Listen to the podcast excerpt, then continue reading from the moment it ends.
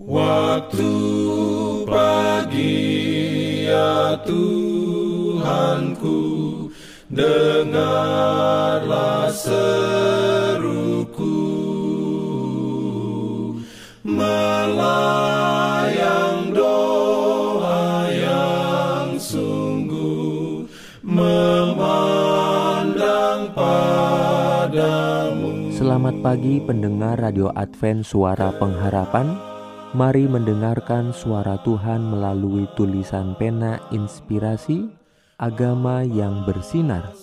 Renungan harian 23 Mei dengan judul Bersukacita saat anak yang hilang kembali. Ayat inti diambil dari Lukas 15 ayat 22 dan 23. Firman Tuhan berbunyi, tetapi ayah itu berkata kepada hamba-hambanya, Lekaslah bawa kemari jubah yang terbaik, pakaikanlah itu kepadanya, dan kenakanlah cincin pada jarinya, dan sepatu pada kakinya. Dan ambillah anak lembu tambun itu, sembelihlah dia, dan marilah kita makan dan bersuka cita.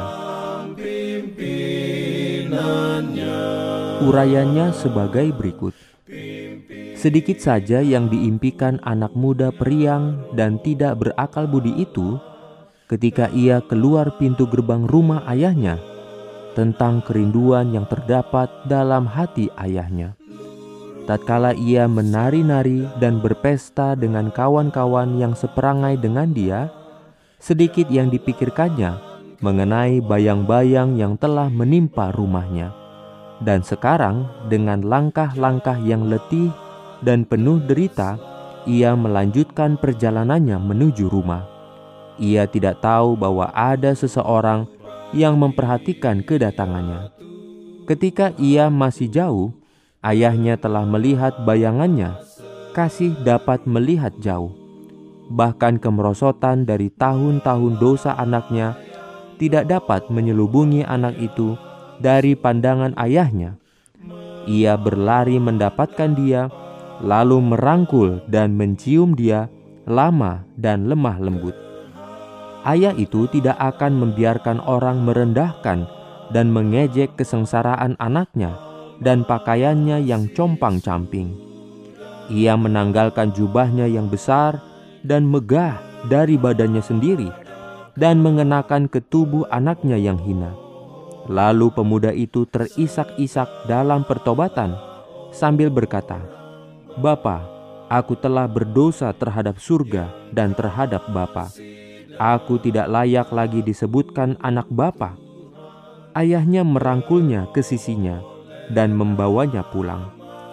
Tiada kesempatan diberikan padanya untuk memohon tempat seorang hamba.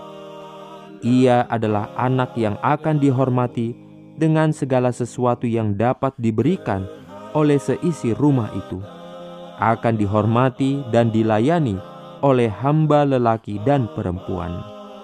Bapak itu berkata kepada hamba-hambanya, Lekaslah bawa kemari jubah yang terbaik, pakaikanlah itu kepadanya, dan kenakanlah cincin pada jarinya dan sepatu pada kakinya. Dan ambillah anak lembu tambun itu, sembelihlah dia, dan marilah kita makan dan bersuka cita. Sebab anakku ini telah mati dan menjadi hidup kembali. Ia telah hilang dan didapat kembali. Maka mulailah mereka bersukaria. Diberikannya perlindungan dalam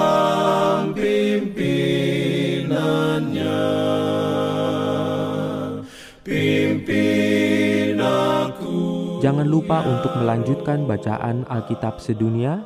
Percayalah kepada nabi-nabinya yang untuk hari ini melanjutkan dari buku Mazmur pasal 17. Selamat beraktivitas hari ini. Tuhan memberkati kita semua. Jalan kewajiban, jalan keselamatan.